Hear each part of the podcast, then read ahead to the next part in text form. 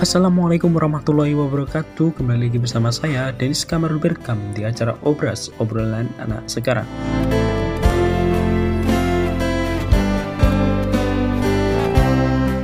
Di kesempatan hari ini Saya akan membagikan sedikit pengetahuan Untuk para listener semua. Dan sedikit info Sekarang Bima Alfaizan Bukan lagi seorang bintang tamu yang terus kita undang dia sekarang ikut bersama saya membagikan sedikit ilmu yang akan kita sampaikan nanti. Oke, enjoy. Silakan Bima. Baik, sekarang kita akan membicarakan tentang teori Erik Erikson ya, yang dikenal sebagai psikososial.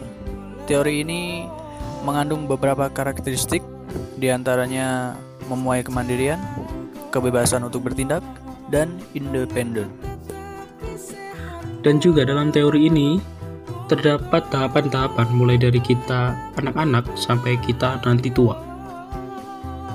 Tahapan-tahapan tersebut ada trust versus mistrust, ada autonomy versus doubt, lalu inisiatif and guilt, industry and inferiority, identity versus roles confusion, intimacy versus isolation, generativity versus stagnation, dan yang terakhir adalah integrity versus despair.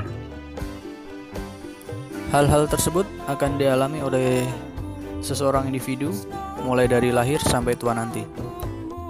Ya, lebih sederhananya akan saya jelaskan beberapa melalui pengalaman kami pada saat usia 6 sampai 12 tahun. Karena pada saat itu ada beberapa ingatan yang menarik yang akan kami ceritakan.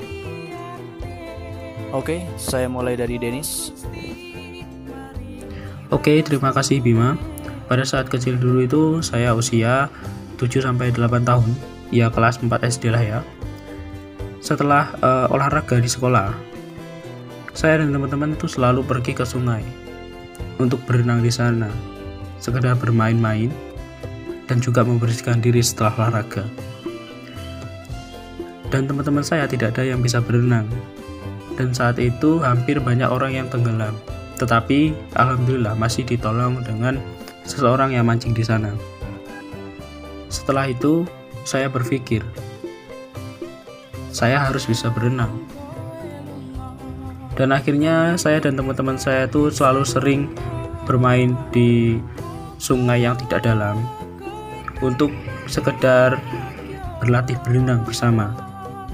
Dan akhirnya boom, bisa. Saya punya inisiatif lagi. Saya memperdalam ilmu saya pada saat SMP dan sampai SMA sampai sekarang tentang berenang. Dan akhirnya saya sekarang bisa berenang dengan berbagai gaya yang benar. Seperti gaya bebas, gaya kupu-kupu, lalu gaya dada. Dan akhirnya saya ingin memiliki uh, dan membagikan pengetahuan saya ini kepada teman-teman yang ada di kolam renang. Itulah pengalaman saya saat itu dan sampai sekarang akan saya lakukan untuk saya dan orang lain. Bagaimana dengan Bima sendiri? Baik saya mulai.